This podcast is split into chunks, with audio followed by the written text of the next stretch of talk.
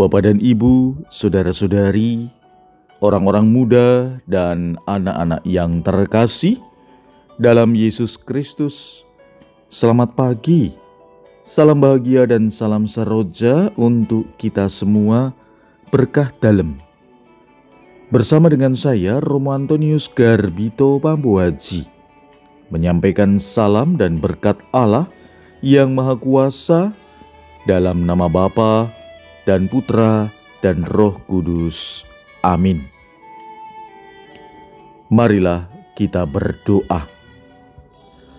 Allah Bapa yang Maha Kuasa dan Kekal, kami bersyukur kepadamu karena Engkaulah pelindung bagi mereka yang berharap kepadamu. Tanpa Engkau, tiada sesuatu pun yang baik, tiada sesuatu pun yang kudus. Kami mohon, lipat gandakanlah belas kasih-Mu itu dalam diri kami, agar dengan bimbingan dan bantuan-Mu, kami menggunakan harta yang fana dengan tetap terarah pada harta yang abadi. Dengan pengantaraan Yesus Kristus Putramu Tuhan dan pengantara kami, Allah kini dan sepanjang segala masa. Amin. Hari ini Minggu 25 Juli kita memasuki minggu biasa pekan ke-17.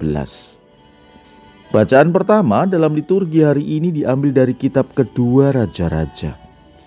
Bab 4 ayat 42 sampai dengan 44. Bacaan kedua diambil dari surat Rasul Paulus kepada jemaat di Efesus bab 4 ayat 1 sampai dengan 6. Dan bacaan Injil diambil dari Injil Yohanes bab 6 ayat 1 sampai dengan 15. Marilah saudara-saudari kita mendengarkan Injil suci menurut Yohanes. Sekali peristiwa, Yesus berangkat ke seberang danau Galilea yaitu Danau Tiberias.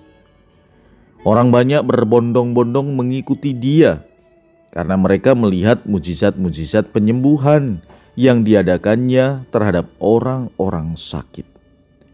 Yesus naik ke atas gunung dan duduk di situ dengan murid-muridnya. Ketika itu Paskah, hari raya orang Yahudi sudah dekat. Ketika Yesus memandang sekelilingnya dan melihat bahwa orang banyak berbondong-bondong datang kepadanya, berkatalah ia kepada Filipus, "Di manakah kita akan membeli roti supaya mereka ini dapat makan?" Hal itu dikatakannya untuk mencobai Filipus, sebab ia sendiri tahu apa yang hendak dilakukannya. Jawab Filipus kepadanya, Roti seharga 200 dinar tidak akan cukup untuk mereka ini, sekalipun masing-masing mendapat sepotong kecil saja. Seorang dari muridnya, yaitu Andreas, saudara Simon Petrus, berkata kepada Yesus, "Di sini ada seorang anak yang mempunyai lima roti jelai dan dua ikan. Tetapi, apakah artinya itu untuk orang sebanyak ini. Kata Yesus, "Suruhlah orang-orang itu duduk." Adapun di tempat itu banyak rumput, maka duduklah orang-orang itu kira-kira lima ribu laki-laki banyaknya. Lalu Yesus mengambil roti itu, mengucap syukur dan membagi-bagikannya kepada mereka yang duduk di situ Demikian juga dibuatnya dengan ikan-ikan itu, sebanyak yang mereka kehendaki. Dan setelah mereka kenyang, Yesus berkata kepada murid-muridnya, "Kumpulkanlah potongan-potongan yang lebih, supaya tidak ada yang terbuang." Mereka pun mengumpulkannya dan mengisi dua belas bakul penuh dengan potongan-potongan dari kelima roti jelai yang lebih setelah orang makan. Ketika orang-orang itu melihat mujizat yang telah diadakan Yesus, mereka berkata, Dia ini adalah benar-benar nabi yang akan datang ke dunia. Karena Yesus tahu bahwa mereka akan datang dan hendak membawa dia dengan paksa untuk dijadikan raja, ia menyingkir lagi ke gunung seorang diri. Demikianlah sabda Tuhan. Terpujilah Kristus. Bapak, ibu, saudara-saudari yang dikasih Tuhan, tentu kita tidak asing dengan bacaan Injil hari ini. Kita bisa membayangkan bahwa ada 5000 orang dan dikatakan dalam Injil laki-laki tidak termasuk perempuan dan anak-anak. Mereka ada di situ, tempat di mana dikatakan, dan kita bisa membayangkan juga padang rumput yang luas. Pasti juga tidak ada pasar di sekitar itu, apalagi rumah makan, atau juga dana yang cukup untuk membeli makanan. Terjadi dialog antara Yesus dengan Filipus. Pertanyaannya adalah mengapa Yesus menanyai Filipus? Tidak kepada murid yang lain. Dan hanya Filipus.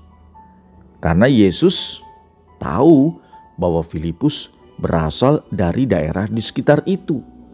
Anggapannya Filipus menguasai daerah itu dan tahu di mana tempat membeli makanan.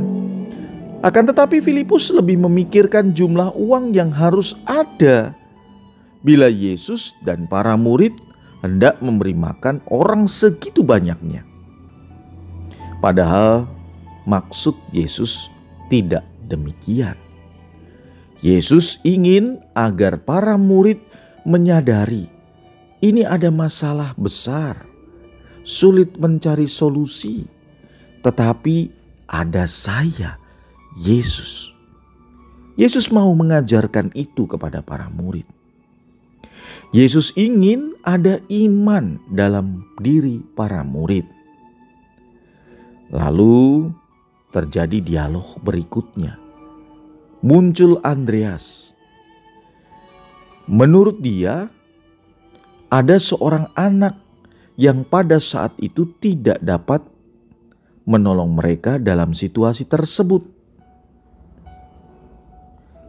Andreas mengatakan, "Ada anak nih, bawa lima roti dan dua ikan." Tapi kemudian Andreas, "Tapi mana cukup untuk orang segini banyak?" Sekali lagi, Yesus ingin mengajarkan kepada para murid, ada Dia, maka tidak perlu khawatir. Nah, saudara-saudari yang terkasih, saya ingin mengajak Anda sekalian untuk merenungkan dua hal. Pertama, adanya anak yang dibawa oleh Andreas. Ia mengatakan, di sini ada seorang anak yang mempunyai lima roti jelai dan dua ikan. Saudara-saudari, bisa saja anak ini menolak apa yang dikatakan oleh Andreas dan dimohon oleh yang lain. Bisa saja ia mengatakan bahwa nggak cukup bekal yang aku bawa ini tetapi apa yang terjadi? Anak itu tidak menolak. Bisa saja ia juga mengatakan, "Yesus, jika Engkau memang benar Tuhan, kenapa tidak turunkan saja makanan dari langit? Kenapa harus mengambil bekalku?" Tapi sekali lagi, itu tidak ia lakukan. Apa yang ia lakukan adalah dengan sukarela tanpa banyak tanya, tanpa protes sedikit pun, memberikan seluruh bekalnya kepada Yesus. Inilah bentuk iman yang luar biasa. Apa yang ia miliki meski hanya sedikit ditambah kerelaannya untuk menyerahkan itu kepada Tuhan, pasti akan tercukupkan. Maka kita bisa belajar dari peristiwa ini. Kita punya, tapi tidak banyak. Tapi kalau kita menyerahkannya kepada Tuhan Yesus, pasti akan tercukupkan. Yang kedua, kita juga bisa belajar dari anak kecil ini adalah bahwa setelah lima roti dan dua ikan itu diserahkan kepada Tuhan Yesus, terjadilah mujizat. Anak kecil ini tidak menjadi sombong, tetapi ia menyadarkan kita bahwa semua demi kemuliaan Tuhan. Oleh karena itu, saudara-saudari yang terkasih, kalau kita punya, maka kita serahkan kepada Tuhan, kita akan cukup semuanya itu, apa pun itu. Dan ketika cukup, kita tidak menjadi sombong, tetapi menyadari bahwa itu berkat kemuliaan Tuhan. Maka saudara-saudariku yang terkasih, yang kedua juga yang bisa kita pelajari adalah kita juga punya lima roti dan dua ikan.